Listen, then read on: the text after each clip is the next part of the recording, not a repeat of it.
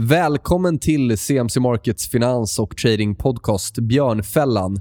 Vi som kör den här podden är jag, Nils Brovacke och min fantastiska kollega Kristoffer Berggren. Vi är båda analytiker här på CMC Markets och hos oss så kan ni handla index, valuta, råvaror, räntepapper och aktier i fler än 10 000 produkter världen över. All handel sker via vår kostnadsfria och prisbelönta handelsplattform och hos CMC Markets så kan ni handla flexibla positionsstorlekar på alla våra CFDer.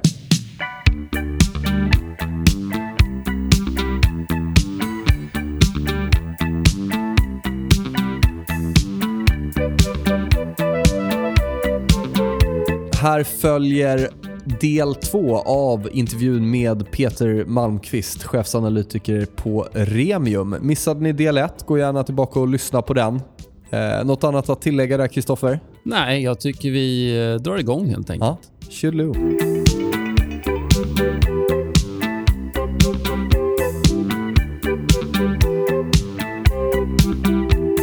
Jag läste att du föredrog, eller föredrog Europa just nu framför USA. Mm. Och det, det, dels så är det också så att när, alltså, hösten 2014 kostade en dollar ungefär 6,50. Det gör den inte längre. Va? Så det är klart att även om den amerikanska ekonomin inte är, är exportberoende ens i närheten på samma sätt som den svenska, så är det klart att den är inte helt opåverkad. Och den har klarat sig överraskande bra om man tittar på ISM just, om man tittar på industriproduktion och sådana bitar. Men med en dollar på den här nivån, med räntor som börjar kliva uppåt och dämpa då eh, till exempel bilförsäljningen, så tycker jag att utsikterna på det här årets sikt som vi pratade om i början då, eh, ser sämre ut i USA än det gör i Europa faktiskt. Så skulle vi få en... Ja. Tyskland är en väldigt viktig faktor i Europa då eftersom de är stora och de är rika och de är lågbelånade. Och konsumtionen i Tyskland tycks, det är lite knöligare tyska statistik tycker jag, men den, den tycks definitivt vara på väg uppåt. Jag har faktiskt aldrig sett den så stark på, ja, sen återföreningen då, där i början på 90-talet. Så att, eh, jag tycker det ser väldigt bra ut för den europeiska ekonomin. Alltså. Hur ligger värderingarna? USA vet vi har ju liksom dragit iväg ganska kraftigt. Men tittar vi på Europa, vad, vad ligger vi värderingsmässigt? Jag har lite svårt att följa börserna i Europa. Jag följer egentligen bara USA och Stockholmsbörsen. Då försöker jag följa Stockholmsbörsen väldigt detaljerat i gengäld. Alltså. Men, och sen så tycker jag att då de databasberäkningar av P tal som görs av Standard Poor stämmer väldigt väl med så att säga, min bild av verkligheten. Och Då kan man konstatera att Standard Poors P tal är något under det svenska P talet i dagsläget. Alltså. Eh, och det är fortfarande då på en väldigt hög nivå. Och Det är kanske mer oroväckande i USA då än i Sverige eftersom deras räntor som vi har pratat om är på väg uppåt också. Men vad, när det gäller eh, konjunkturindikatorer vill jag också lyfta fram att eh, bilförsäljning är en lite udda bit egentligen. Jag skulle inte bara klara mig med den, det, det är helt klart. Alltså, troligtvis skulle jag bara klara mig med ISM, det här amerikanska inköpschefernas index, i och med att det styr placerare. Men då tittar jag också väldigt mycket på själva industriproduktionen och dess tillväxt. Och Sen så tittar jag då på detaljhandeln i de här ekonomierna och tillväxten i den. Och Då vill jag helst försöka ha en detaljhandelsinfra som då exkluderar den här bilförsäljningen så jag inte mäter den en gång till. Alltså. Och med bilförsäljning, detaljhandel och industriproduktion så får jag faktiskt, eh, har jag gjort ett index som väldigt väl på månadsbasis då faktiskt kan indikera lite vart ett lands BNP är på väg. Nu är inte BNP-siffran i sig något som driver, skulle jag säga, i normalfallet börskurser. Men det är i alla fall väldigt bra att kunna ha en indikator som eh, ligger några månader för eh, själva BNP-siffran och kanske i två av tre fall också indikerar var den ska landa. Alltså. Så att de där tre det tycker jag är indikatorer som eh, ja, de har jag följt under lång tid och jag känner mig ganska trygg med dem alltså när det gäller konjunkturprognoser. Är det absoluta tal? Alltså du vill ha en hög nivå på till exempel ISM eller är det att du vill ha ett positivt momentum i den? Det är en väldigt bra fråga. Alltså, det är ju också så att någonstans blir enough is enough. när, när ISM, som det var här för tre månader sedan, började nå rekordnivåer så är naturligtvis rekordnivån i sig en indikation på att man kanske ska bli lite mer försiktig. Ungefär som när vi har det här volatilitetsindexet VIX som ju då nu slår bottenrekord. Det har aldrig varit nästan så här stabilt på 20 år. Det har också visat sig vara en sån här vändningsindikator. Då pumpas det in så mycket pengar på marknaden så att liksom allting bara stabiliseras. Och Den dagen de pengarna inte längre pumpas, ja då blir det osäkerhet. Va? Jag tror vi så hade att, någon typ av all time low på volatilitet 2014 14 senaste, mm. även om det är lägre under nu. Och jag vet att det var ju precis därefter eh, den sommaren som det exploderade och, mm. och volatiliteten ökade ju supermycket. Då, så. Ja. Trendföljare och så vidare bland annat fick det bra som hade haft det väldigt, väldigt dåligt. Är det något liknande scenario du ser nu? Att när det väl vänder att vi kan få en stor explosion i, i volatiliteten? I, I grunden ja. Alltså det finns ingenting som talar emot det. Eh, och eh, om man tittar på att jag då tycker att vi har höga P tal i förhållande till så att säga, den rådande inflationstakten. Att vi lite tittar åt fel håll. Vi vill inte titta så mycket på inflationen och när vi ser den så vill vi bortförklara den. Vi vill titta på räntorna. Vi sväljer glatt eh, osäkerheter som Brexit, som jag tycker är den överhängande osäkerheten, även om Donald Trump är en konstant osäkerhet. så att säga. Och vi, vi slickar i oss den där typen av osäkerheter utan att få några kursreaktioner överhuvudtaget. Då känns det som att eh, aktiebörserna är inne i en sån här osårbarhets... eh, period helt enkelt.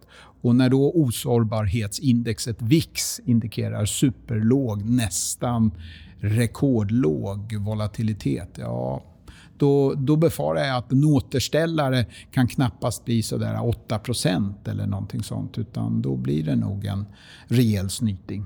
Vad nu det är. Alltså när, när Kina-börsen sprack då sommaren 2015 parallellt med Turkiets ja, militärkupp eller vad det var och Greklands kris som vi hade då också. Va? Då, då gick ju börskurserna, Stockholmsbörsen gick ju ner nästan 25 procent från toppen innan det vände då i februari. Så det är väl någonting som man bör ha i åtanke som placerare. Alltså. Skillnaden eh, mot sist vet jag i alla fall att eh, index eh, är på extremt låga nivåer när det gäller volatiliteten. Men däremot om vi tittar på valuta och råvarumarknaden så, så är vi inte på all time lows när det gäller volatiliteten. Är det något du tycker att man ska ta hänsyn till här? Eller? Valutorna tycker jag spelar mellan länder mer än det spelar i, i, en, i ett globalt perspektiv. Jag tycker dollarn framförallt då är det ju vi pratar om.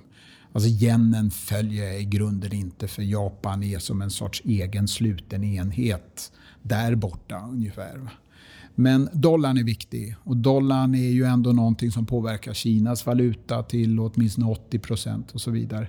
Så därför så ser jag då den här omfördelningen mellan dollar, så att säga, exporterande länder om man får kalla det för det, och eh, ja, de europeiska eurobaserade länderna.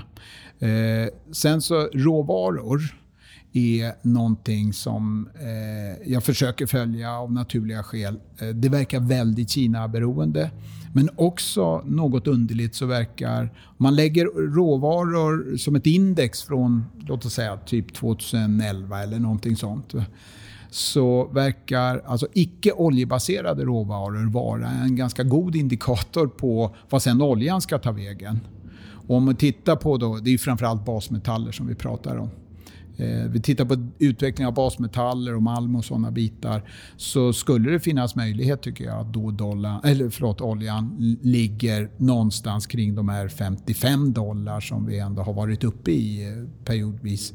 Och personligen tycker jag det skulle vara ganska bra för att eh, de dollarkonsumerande ekonomierna, inte minst vi själva, har ju fått en riktigt ordentlig boost på alla sätt av de låga oljepriserna. Och det plågar rätt ordentligt ett ja, farligt land som Ryssland. Det plågar arabländerna. Det plågar Saudiarabien som hade en av världens största positiva så att säga, statsbudgetar och som nu har en otroligt negativ, ett stort underskott i statsbudgeten till exempel. Så att jag tror hela världsekonomin skulle faktiskt må bra av lite högre oljepriser utan att för den saken skulle få upp dem till 100 dollar. Mm. Det är väl ingen som tror heller. Ja, tekniskt sett så är 58-60 inte alltför otroligt ut om mm. de här eh, senaste rasen kan försvara sig vid 47-48 eh, om jag tittar på crude i alla fall. Mm. Och det tycker jag skulle vara positivt. Alltså, någonstans där vi har legat upp mm. när det varit som bäst, 55 och så upp mot 60. Börjar vi komma upp mot ännu högre höjder, då kan vi få riktiga inflationsproblem i de västliga eller de oljekonsumerande ländernas eh, indexar. Och mm. då, då, kan det då spridas väldigt snabbt kanske till och med påverka centralbanker, hör och häpna. Om vi ska gå över lite mer lite bolagsfokus. När du själv ska skaka fram intressanta bolag, eh, börjar du då liksom top-down makrofokus eller försöker du sortera på nyckeltal och så vidare och börja underifrån och försöka hitta undervärderade bolag och sen fundera i vilka branscher de verkar i? Jag Egentligen blir det konstigt nog två spår. Makrospåret blir ett spår. Det blir som en sorts bakgrundsmatta eller någonting sånt kring bolagsspåret. Och sen så som, som ekonom och egentligen mer eh, finansorienterad analytiker så är jag ganska screeningorienterad. Så jag försöker då följa eh, de bolag på screeningnivå om man säger så, som ingår i princip de bolag som ingår då i SMEs, de här prognosinsamlingarna. Och sen så försöker jag också titta på utvecklingen av dem i ett tioårigt perspektiv faktiskt. Och försöka då mäta hur de är värderade. Och gör man det idag, eh, om man tittar på historiken på säg ett 40-tal storbolag, ungefär 40-50-tal storbolag, så kommer man fram till att det i princip bara finns ett enda bolag som är värderat lågt i förhållande till historiken. Och eh, jag tror ni nickar instämmande när jag säger att det är Hennes och Maurits. Alltså. Mm. För det är ju har, undervärderat i alla fall. Historiska det, nyckeltal. I förhållande till historiken. Framtiden. Ja, och faktiskt så är H&M idag ett bolag som har ett P-tal under börsens snitt. faktiskt. När hände det senast? Vet du? Ja, jag tror, jag tror inte jag upplevt det. Men det fanns en period eh, när IT-bubblan sprack och så vidare och dollarn gick rakt upp i taket faktiskt då också. Som H&M hade fallande, eller, eh, fallande marginaler, eh, fallande vinst och då värderingen då gick från P 65 och ner till ja, fortfarande höga P-tal men ner kring 20 som har varit en, en vändningssignal. Idag så är P-talet för H&M lägre än så. Alltså, så att ur det perspektivet så om man vänder på steken då, det är ju en liten varningssignal när man för bolag för bolag, oavsett om det är cykliskt som Boliden eller eh, ja, jag på att säga, stabilt som Axfood, så, så liksom får man P-tal som ligger en och en halv gånger historiken och så vidare. Va? Så att nästan alla bolag som jag tittar på idag Eh, utan undantag är värderade en bra bit över i sina historiska balanstal. Vilket det ju då bör vara eftersom börsen som helhet är det. Va? Och den sektor som är minst övervärderad men fortfarande övervärderad i förhållande till historiken, det är bankerna. Då alltså. Medan verkstadsföretagen efter senaste halvårets eh, supergalopp, de är i vissa fall astronomiskt högt värderade måste jag säga. I förhållande till historiska trender och, och historiska P tal alltså. Vi har väl haft en ganska god vinsttillväxt, men det känns väl kanske inte som att vinsttillväxten kommer vara så kraftig så att liksom vi får ner värderingen på grund av vinsttillväxten i sig? Eller? Vinsttillväxten är knepig när man tittar på trenden. För att det är egentligen nu sista kvartalet, här, första kvartalet 2017, som flera av verkstadsbolagen verkligen har puff, kommit upp ordentligt. Det har varit rätt sekt i rader av verkstadsföretag de senaste fyra åren faktiskt. Och det är mycket omstruktureringskostnader och en och annan goodwill-nedskrivning och annat som drar ner resultaten. Och såna här stabila bolag som Assa Abloy kommer med omstruktureringskostnader och liknande. Nu är de här omstruktureringskostnaderna det är alltid sånt som analytiker räknar bort. Eh, med eh, enkelhet för att vi ofta pratar om prognostiserat resultat ett år framåt. Och det är ingen som egentligen kan prognostisera en omstruktureringskostnad. Den kommer nästan alltid som en överraskning. Så att ur det perspektivet så kan man nog säga att den prognostiserade vinsten ett år framåt i verkstadssektorn, den har landat i storleksordningen 20 procent, i vissa fall 25 procent under prognoserna de senaste fyra åren. Och, eh, det tycker jag då visar att vinstkvaliteten i de bolagen är betydligt mer osäker idag än den var när till exempel då Kina-tåget gick ordentligt i mitten på 2000-talet. Då var det riktig efterfrågan. Då var det ordentlig fart på hjulen i nästan alla verkstadsbolag. Och de som inte gynnades av Kina, de gynnades av Rysslands framväxt, Östeuropas återuppbyggnad eller tillväxt och så vidare, va, som Volvo och Scania. Så att ur det perspektivet så känns det som att ja, vi har fått en ordentlig skjuts uppåt nu i verkstadsvinsterna. Vi har fått valutan, vi har fått liksom lägre omstruktureringskostnader än tidigare. Vi har förmodligen också högre effektivitet till följd av omstruktureringarna. Men det är ändå svårt att se den här riktiga Kina-draget i efterfrågan. Även om orderingången också helt plötsligt har blivit bättre och så vidare. Va? Så att jag tycker vinstkvaliteten i verkstadssektorn är lite tveksam på sina håll ur ett mer långsiktigt perspektiv det här året eller möjligen två då framåt i tiden. Men det finns en stor optimism kring det ska sägas. Så att det är det som förklarar, om, ja, som alltid är det ju det som förklarar varför värderingarna då blir höga. Alltså. Vi har ju pratat lite kring valuta här, men jag tycker ändå det är intressant att höra hur du eh, hanterar valutarisker. Bortser du från dem eller hedgar du individuella valutarisker? Eller hur, hur tycker du man ska eh, se på valutarörelser? Om jag tittar på valutarörelserna i företagen så kan jag konstatera att allt färre verkar jobba med säkringar, med mm. hedge. Eh, troligtvis för att eh, det, det, finns någon, någon, att man ger upp till slut. Alltså det, det, den bästa prognosen för dollarn det är nästan alltid att ta tvärt prognosen vad de som verkligen kan säger. Va? För ibland så känns liksom dollarn som en, en kvitt eller dubbelsatsning. Eh, så att jag tror väldigt många företags styrelser ifrågasätter den kostnad som det faktiskt innebär. För det är ju inte gratis då att säkra sig. Va? Försäkringspremier är ju normalt negativa. Eh, och, och ifrågasätter användandet av det här. Alltså. Sen så är också betraktas den, det vi kallar för säkringsredovisning. Då. Att vi kan parkera vinster och förluster på svängande valutor tills dess att den vara eller tjänst som vi har då sålt också blir fakturerad. Och så kan vi matcha valutavinster och valutaförluster på tjänsten, produkten, mot den här valutavinsten, förlusten på det finansiella derivatet och så får man det i samma period. Den redovisningstekniken är, krävs ganska mycket uppföljning uppföljning och det krävs överhuvudtaget när man jobbar med derivat så krävs det ju då regler, eller, ja, dokument som talar om vem som får ingå vad och så vidare. Och hela den proceduren verkar många nu tycka kanske inte ger så himla mycket. Fortfarande så är ändå de flesta bolag på ett eller annat sätt säkrade vilket ger en eftersläpning i valutaeffekterna.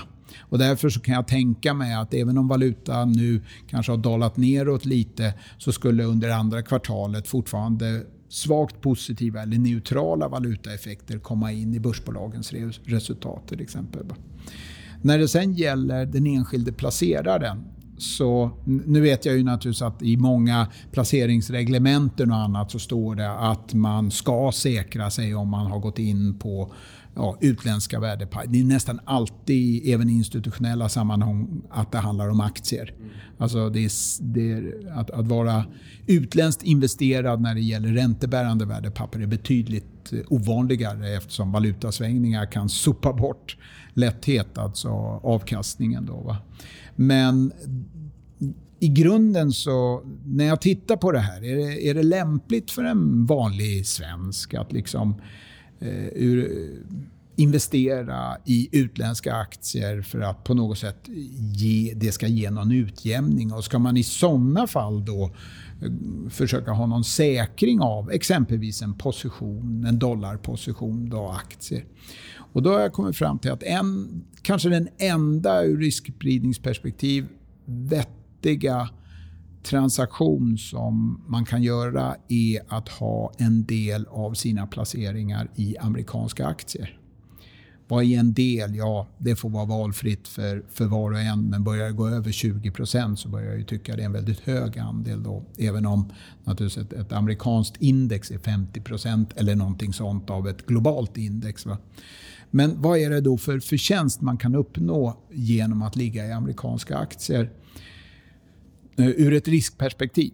Och då kan man konstatera att när det går riktigt åt pipan på börserna, alltså vi pratar IT-bubblan spricker, Lehman Brothers kollapsar, eh, även en och annan Greklandskris eh, dyker upp på, på arenan och så vidare. Då stärks dollarn. Inte bara mot kronan utan även mot euron. Men är, är det en riktig sån här kalaskris som eh, finansbubblan 2008, då rasar kronan. Och då rasar den både mot dollarn och euron och andra stora valutor. Och det är klart att om man då ligger investerad i amerikanska aktier och dollarn stiger med 25% och så samtidigt börsen dessutom är den amerikanska börsen då normalt i sådana lägen stabilare än den svenska. Väsentligt mer stabil. Eh, ja, då kan man faktiskt klara sig väsentligt bättre i en sån här kraschsituation faktiskt.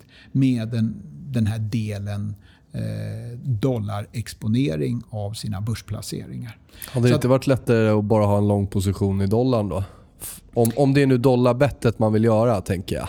Jag, jag För transaktionskostnaden bör vara billigare och man bör ha lite lägre marginalkrav och sådär på den positionen. Om det är nu en hedge mot en dollarrörelse. Det hade kunnat vara ett alternativ. Ja. Nu, om, man, om man tittar på ett brett index som Standard Poor så kan man väl konstatera att när, när Stockholmsbörsen då rasade ungefär lite drygt tror jag, var 60% från topp till botten i finansbubblan så rasade S&P ungefär 40-45 och går man tillbaka och tittar på andra såna här kraschsituationer, undantaget 1987, då, alltså, så kan man konstatera att Standard Poor har då en lägre volatilitet i extremsituationer än vad Stockholmsbörsen har.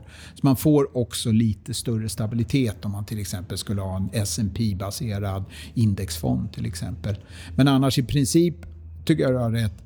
Eh, sen kan man säga, pratar vi breddplacerare, vanliga så är det nog i dagsläget lättare via sitt internetkonto att köpa en, eller överhuvudtaget sitt konto, var man nu har sina placeringar, att köpa en eh, bred eh, amerikansk fond än det är att gå in och eh, jobba med valutor eh, specifikt. Alltså.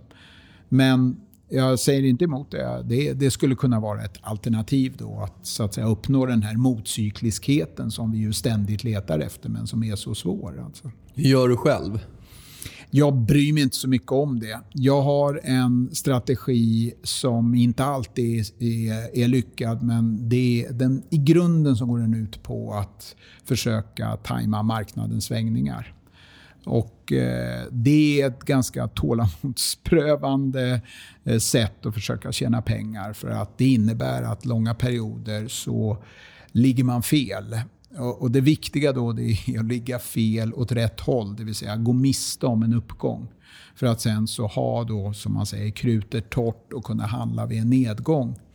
Det innebär att jag har haft krutet torrt nu i princip sedan eh, sommaren 2015. Och det har ju inte varit särskilt roligt då sedan botten i februari 2016. Det är ju liksom en otroligt häftig uppgång som vi har haft. Som jag naturligtvis, det, det ligger ju som en värre än en sten i skon. Det ligger som en kniv i mellangärdet varje gång börsen stiger. Va? Så att, eh, ur det perspektivet är det en väldigt tålamodsprövande strategi. Men vad bygger den på då? Det är en, eh, du sa att det var någon form av momentum eller trendaktigt. Är det ekonomiska indikatorer för trendmässigt pristillgångar Nej, så känns det som att det fortfarande är Vanlig enkla samband. Framförallt då värderingen på börsen i förhållande till vinstutvecklingen. Eller den i, i grunden då trend som jag ser i konjunkturen som sen ska sätta sig på vinstutvecklingen. inflationsutvecklingen mer än ränteutvecklingen. Och det är eh, misstaget sen ja, då februari 2016. Eh, dels har jag inte trott att räntorna ska bibehållas så här låga, så extremt låga som de har gjort när inflationen har stigit. Och sen så i, i grunden då så... Eh, annars har nog konjunkturbiten gått ungefär som jag har eh, förväntat mig. Men genom de här extremt låga räntorna så har P-talet nått höjder som jag inte trodde vi skulle få. Alltså sommaren 2015 låg vi på Stockholmsbörsen med mitt sätt att räkna på ungefär P-tal 21,5-22. Nu ligger vi på 20-20,5. Och, jag trodde, och då gick det ju ner efter dem, den toppen gick det ju ner rätt häftigt. Så jag trodde nog placerare i allmänhet skulle vara mer tilltufsade, mer risk, ja, sky risk i större utsträckning. Och när Brexit inträffade så var jag övertygad om det. Och när Donald Trump blev vald till president, det var ju ett kvitto på posten. Och det har bara blivit precis tvärtom. Brexit skapade en börsuppgång och Donald Trump skapade mm. någonting också mm. i samma riktning. Ja, det var de tre bästa lägena 2016. Februari botten, ja. Brexit, och Brexit. Trump. Om, om man var snabb. Mm. Ja, ja. ja Men... om, om man inte trodde på egentligen sambandet att det som skapar risk också ska göra placerare återhållsamma. Mm. Utan det är ju då... Alltså botten två, i februari, det var en annan femma. Då var väldigt mycket lågt värderat. P-talen var ganska normala även i förhållande till inflationen. Men just Brexit och Donald Trump. Det är ju, Donald Trump gav ju en push i uppgången som eh, var helt fantastisk. Alltså.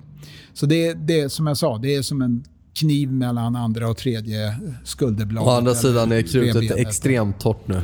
När det väl ska extremt torrt, så man får akta sig så man inte bränner av. Det är någon liksom 3% i nedgång som bara är en indikation på en 40% utförslöpa. Det, det är ju risken. Det är det som är det svåra. Mm, det, är det är extremt ja. Eh, mentalt påfrestande att stå vid sidan hela ja. tiden. Ja. För att det har ju varit så, som du var inne på, att bara köpa nedgångar. Men det visar ändå att det är ganska stretchat. För att till slut så kommer man inte bara kunna köpa en nedgång och så studsar upp, utan då kommer det fortsätta att tuffa på ganska långt ner. Ja.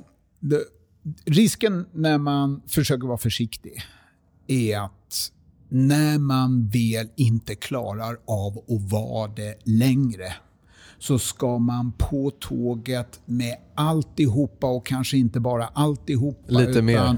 lite till. Alltså man kör inte bara exakt OMX vanliga utan man tar den två gånger och, liksom, och så åker ut för. Och då köper man ännu mer. För nu har man ju bytt uppfattning. Nu kan man ju liksom inte se sig själv i spegeln och säga okej, okay, du låg fel i ett och ett halvt, två år. Nu ligger du fel igen i nästa utförslöpa. Utan då ska man ju bevisa för sig själv att man verkligen gör rätt. Och då gör man riktigt dumma grejer. Alltså riktigt dumma grejer. Och det här med att köpa mer eh, för att bevisa att man det första köp man gjorde egentligen inte var tokigt, utan bara aningen lite för tidigt. Det är det sätt man förlorar mest pengar på av allt. Det här med att snitta ner sig. Mm, vi brukar alltså. skoja om “when in trouble double”. Ja. Som är en sån här ja. klassisk... Det, det, är klassiskt. Det finns många såna här, eh, eller ett flertal olika sådana väldigt bra slagdänger. Ändå så går man titt som tätt på pumpen i det där. Alltså. Och det är för att det är så himla svårt att ligga fel.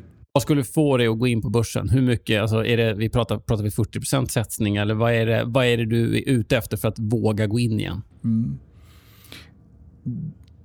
Ja. Lägre värdering. ja, precis.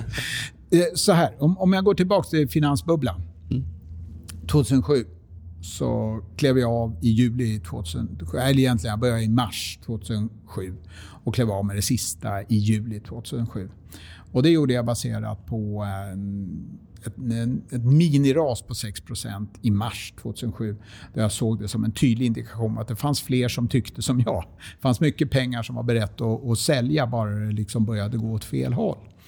Det, det, tog då fram till oktober ungefär innan jag låg plus minus noll på den strategin. Sen segade det sig ner. Och sen så 2008 under våren så steg den 12-13 procent. Och då, liksom, då kändes den här strategin helt eh, värdelös. Sen så började det gå ner igen framåt sommaren. Och sen i september kommer Lehman Brothers och skickar ner ytterligare 30 procent.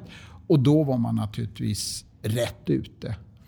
Då kan man ju säga så ja, i de där bottenlägena då man så glasklart i efterhand ska köpa, då är man ju också både girig om man har legat utanför, men också lite sådär, man är nästan lite sjösjuk. För svängningarna där i botten, de är liksom så 7% kan öppna upp 2 procent och sluta ner 5 procent på en dag. Och eh, en dag kan innehålla liksom öppna upp 3 procent, ner till 4, upp till 0, sluta minus 6. Ja, den intradag-volatiliteten liksom, var ju helt otrolig. Den är, den är, den är alltid helt otrolig i, i de här bottnarna. Och Det gör ju liksom att även om man lyckas i efterhand ha kommit in rätt så kan man torska direkt 6 och Det gör ju då att det är bara i efterhand man tycker det är så himla enkelt att hitta den där botten. För mitt i botten är det som att vara på en båt mitt ute i en storm. Vi vet att vi ska klara det här, båten är väl byggd. Va? Men just då känns det som att eh, fasen vet om det här funkar eller om vi ska sjunka. Va?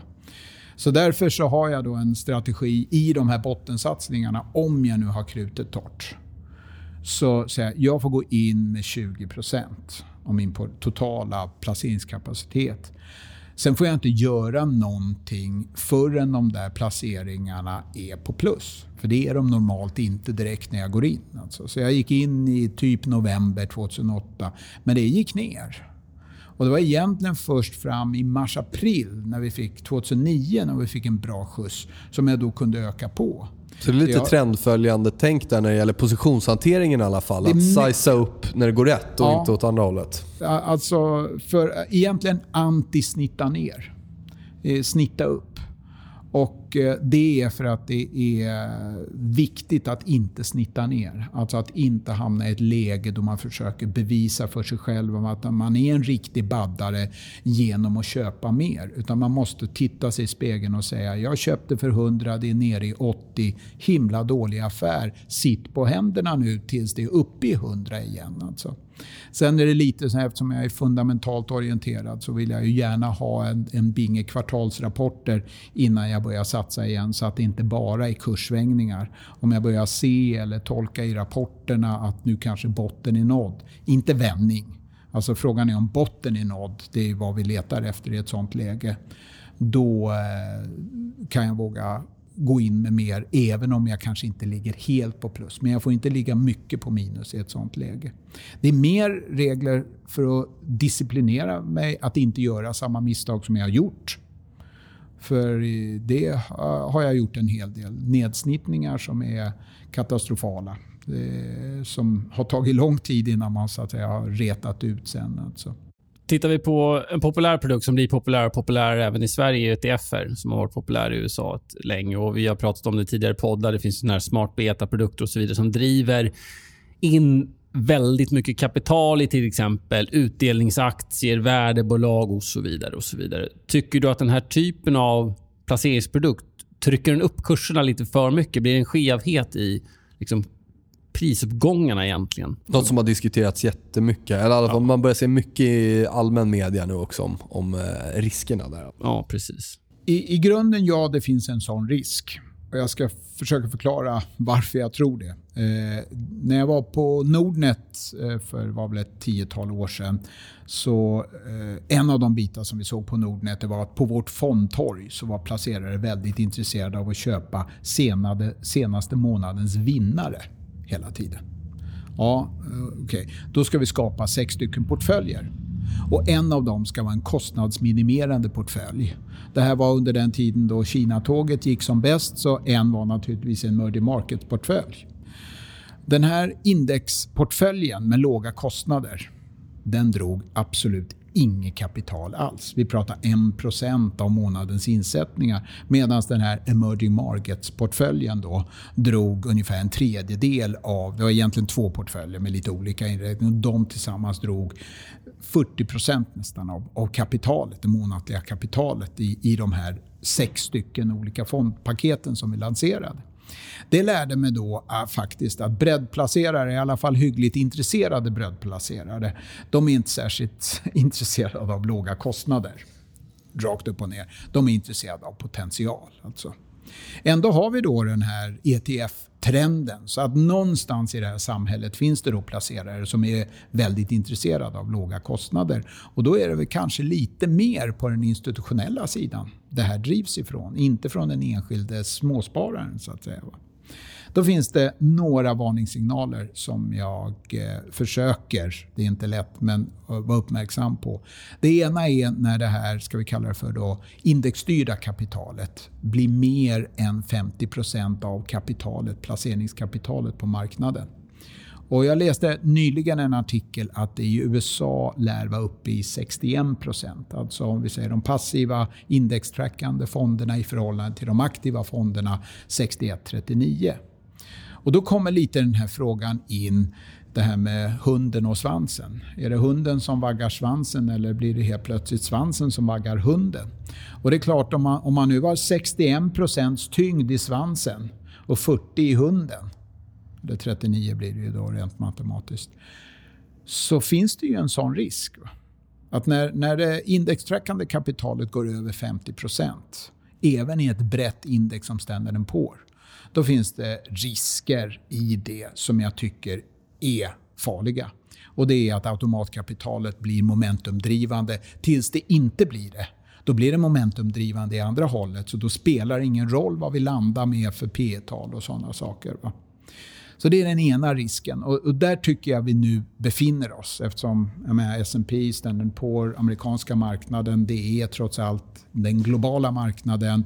Så på den så tycker jag det finns en sån risk att automatkapitalet kan så att säga driva det orealistiskt uppåt och orealistiskt neråt.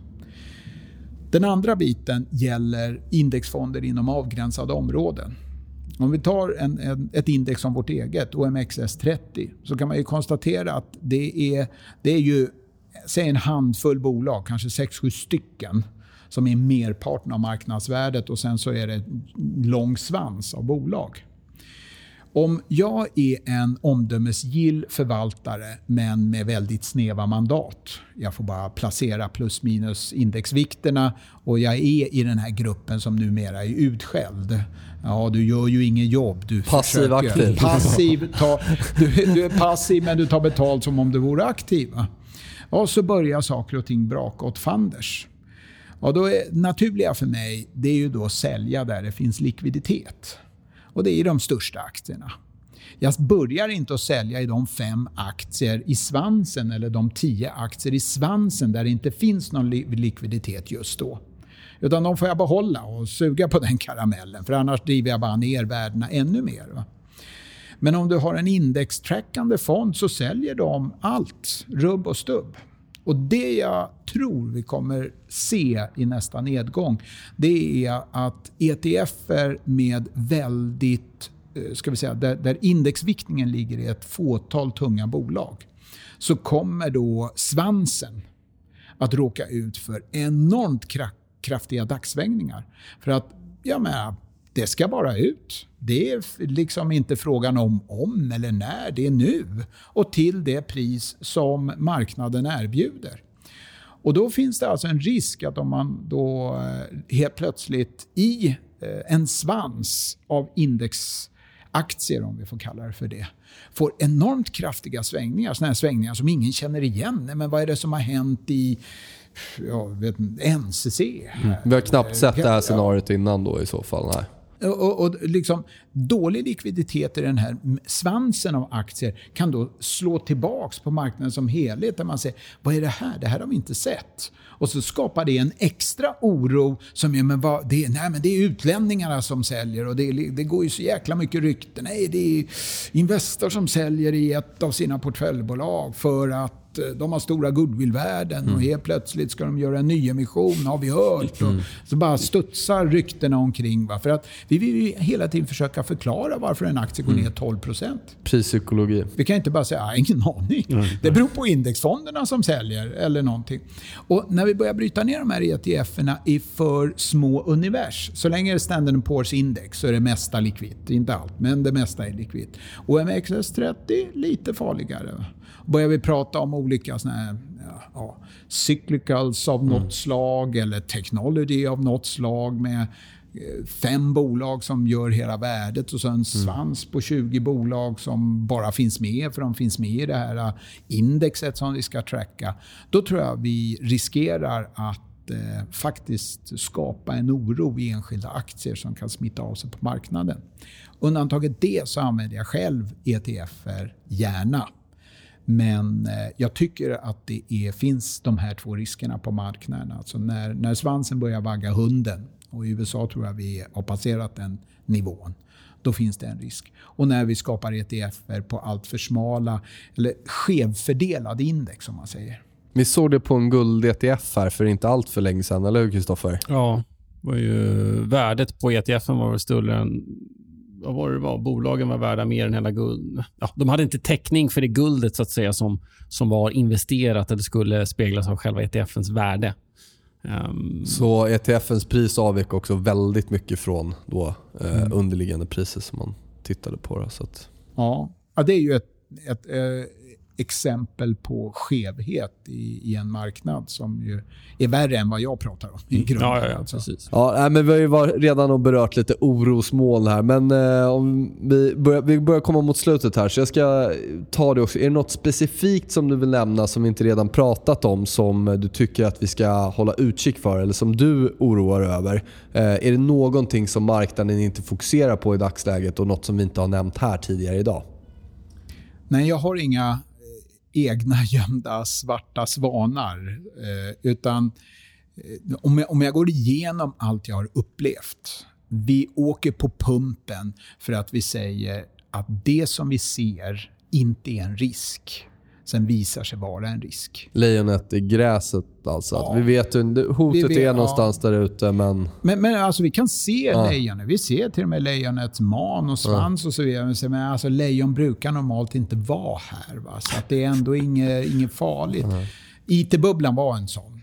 Alltså, vi, vi, kunde alla se astronomiska värden. På toppen var Ericsson värderat 120 gånger en toppvinst.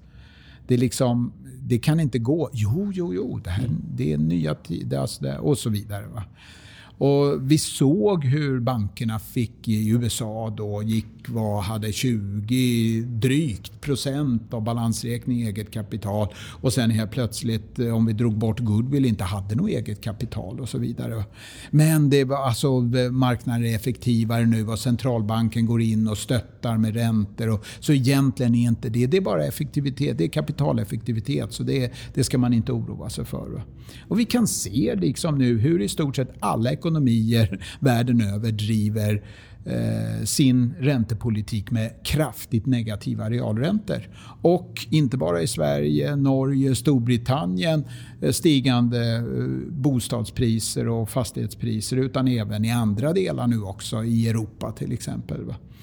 Och det är klart att det är ju det som är den här svarta svanen. Och vi står och tittar på den där svarta svanen och så säger vi bara, nej men du vet, det är alltså det här med räntor är ett svårt kapitel. Du vet, på lång sikt, alltså, med, du vet, alltså stater numera, de överbelånar sig inte på det sättet de gjorde på 70 och 80-talet. Och pensionärerna nu, de blir så många och de bara sparar och sparar och, och, och det blir ett sparandeöverskott som vi inte kan liksom göra oss av med. Så det trycker trycker ner räntorna. Och vi hittar på massa Politiskt är det omöjligt att höja räntan och sådär. Politiskt omöjligt är ett annat bra argument och så vidare. Och förr eller senare så åker vi på pumpen. Så följaktligen, det jag tittar på mest och försöker följa, det är då Federal Reserve. Och när de nu försöker, som de säger, normalisera räntenivån, vad råkar de ut för för mothugg? Och det får de ju hela tiden. Vågar de gå vidare? Hur många? Vad är argumenten för och emot inom den här inflytelserika gruppen på de som nu får rösta vid varje möte och så vidare? För att amerikanerna ligger alltid först i spåret i allting. Och nu ligger de först i spåret på att höja räntor. Och nu ligger de så mycket högre så att det då sen två år tillbaka drar upp dollarn också till väldigt höga nivåer. Så egentligen den springande punkten är när flyttar ECB sig på eh, de här positionerna. Framförallt när slutar man att köpa obligationer och verkligen gör det också. Alltså man håller på att skjuta de här datumen lite fram och tillbaka. Då gör även Riksbanken det. För det tycks som att Riksbanken just har ett valutafokus som vi pratade om tidigare i programmet. Då, och eh, när ECB rör sig så rör sig också Riksbanken. Och rimligen så rör sig också Bank of England. Då. För även britterna har extremt låga räntor. De har riktigt hög inflation. Nästan 3% Alltså mellan 2,5-3% under flera månader nu. Och Sen ska ju Fed försöka få ner sin balansräkning och sen så kommer de väl andra försöka följa efter lite beroende på hur det går. Och det får man ju se. Men ja, den här banta balansräkningen då som de har satt i utsikt, det bör ju då rimligen trycka upp långräntorna ytterligare då utöver så att säga. Och då blir det ännu mer skevhet. Och, och då får vi ytterligare ränteuppgång. Och att, att försöka se det, se vad som händer i den amerikanska ekonomin, det är sättet jag försöker då lära mig. När kommer den här svarta svanen att vara synlig för alla? Och då också letas in i börskurserna. Och när? Ja, det, jag tycker det finns en oro för hösten. Men eh, ja, det är 24 grader ute nu i Stockholm. Det är svårt att tänka sig att det kan bli mörkt och bistert och kallt. Ser fullt ut på utserveringarna. Ja, nej, Folk har det bra. Det, vi kommer nog ha varmt även i december. alltså Lite värmelampor och så. Va? Så att jag, jag, är lite nervös, det är jag faktiskt. Men eh, samtidigt så tycker jag inte eh, det finns någonting som indikerar att placerarna skulle tro att centralbankerna i Europa då skulle helt plötsligt eh, vända och börja följa med Fed uppåt. Men eh, det är egentligen den huvudsakliga oro och indikator som jag följer. Och förr eller senare kommer den, men för en placerare har ju betydande väldigt stor betydelse om den kommer nu eller om mm. den kommer om två år. Det var dyrt att vara kort Ericsson 99. Ja, alltså... Oj, från oktober...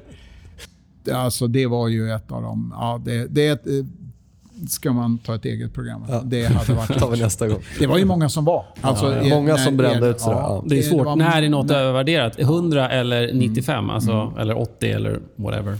Alltså de hade ju ett P-tal då i oktober som var i trakterna av 35-40. Och sen så bara brakade det iväg uppåt. Och alltså på prognostiserad vinst år 2000 så värderas de till 120 gånger 130 i mars innan det brakade åt fanders. Alltså. Det har vi inte i dagsläget. Då, alltså. Den typen av eh, bubbla. Det, det är inte min bedömning. Ja, vi har ju dunkat igenom extremt mycket olika ämnen och riktningar och så vidare. här. Vad, när du vill eh, skaka fram ehm, information som du tycker är intressant. Det finns ju väldigt mycket information där ute. Vad, vad läser du? Hemsidor, tidskrifter? Följer du några specifika analytiker och så vidare? Vad tycker du man ska börja gräva? Jag gör nästan alla analyser själv. Jag gör det baserat på indikationer som jag framförallt hittar i Financial Times. Då, I princip dagligen och i viss mån i The Economist. Det är mina huvudsakliga källor. Men sen så har jag då prenumeration på en svindyr databas, makrodatabas. Och sen så läser jag då uppemot, eller går igenom uppemot 200 kvartalsrapporter för Stockholmsbörsens bolag varje kvartal. Eh, det är mina huvudsakliga informationskällor och sen så försöker jag i grunden lägga pussel mellan rapporter, makrostatistik, centralbanksuttalanden, precis som alla andra. Jag följer inte specifikt enskilda analytiker eh, utan jag försöker följa så gott det nu går vad många skriver och hämta indika indikationer från många olika platser faktiskt. Och så lägga mitt eget pussel. Så gör ditt eget jobb helt enkelt. Ja, det, det ska man. Nu får jag ju betalt för att göra det. Självklart. Men är det något jag du... Jag tänker att är det något du... Ska, är det något man ska alltid leta efter att göra själv, tänker jag då? Om vi har ja. lyssnare här som undrar, är det här något man kan försöka återskapa själv eller? Jag tycker inte man ska placera i ett enskilt bolag utan att ha tittat på eh, de senaste rapporterna och ögnat igenom senaste årsredovisningen. Alltså. Och Det beror på att så mycket av information, särskilt storbolag, som vi tar till oss är bearbetad av media. Och Det är inget fel på media. Jag är en del av media i viss mån själv. Men media är också en tvätterianläggning som egentligen när det gäller bolagsrapporter eh, ja, tvättar bort konstigheter som man inte riktigt orkar förklara i en artikel. Dessutom har man bara 30 rader på sig att förklara hela Volvos rapport eller Atlas rapport och så vidare. Så i grunden så tycker jag man ska titta igenom de senaste rapporterna innan man placerar ett bolag. Jag tycker i grunden man ska placera hellre i bolag än i fonder som är länderbaserade. För det är absolut inte enklare att förstå sig på ett land eller en valutaregion som eurozonen. Utan det ska man i grunden använda för riskspridning, inte för potentialjakt. Är man en placerare som gillar potential, då tycker jag man ska jobba med enskilda aktier för aktier. Alltså. Då har man störst möjlighet att slå de övriga som man konkurrerar med. Alltså.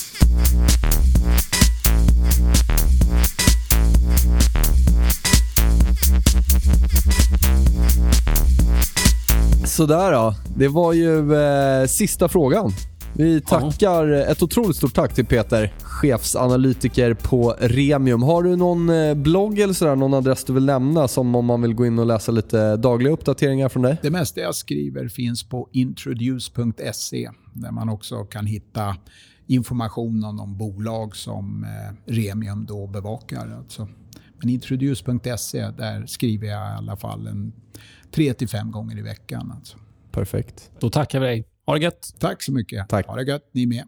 Just a young gun with a quick fuse I was uptight, wanna let loose was... Och där var del två av intervjun med Peter Malmqvist klar. Så där, det var vårt sista avsnitt för sommaren. Vi önskar er alla en en riktigt härlig semester för er som får ha det och för er som sitter på kontoret så handla på ordentligt. Och vill ni lyssna på tidigare spännande avsnitt så hittar ni såklart på ja, Soundcloud, iTunes och i diverse, diverse podcastspelare. Så det är bara att lyssna på hela sommaren. Har ni ämnen ni vill att vi tar upp när vi drar igång igen här efter sommaren så mejla kundservicet cmcmarkets.se eller skriv dem under hashtaggen björnfällan. Eller annan generell feedback. Får ni ha det så gott. Tack så mycket. Tack, tack. Thunder. Kids were laughing in my classes while I was scheming for the masses. Are? Dreaming about being a big star.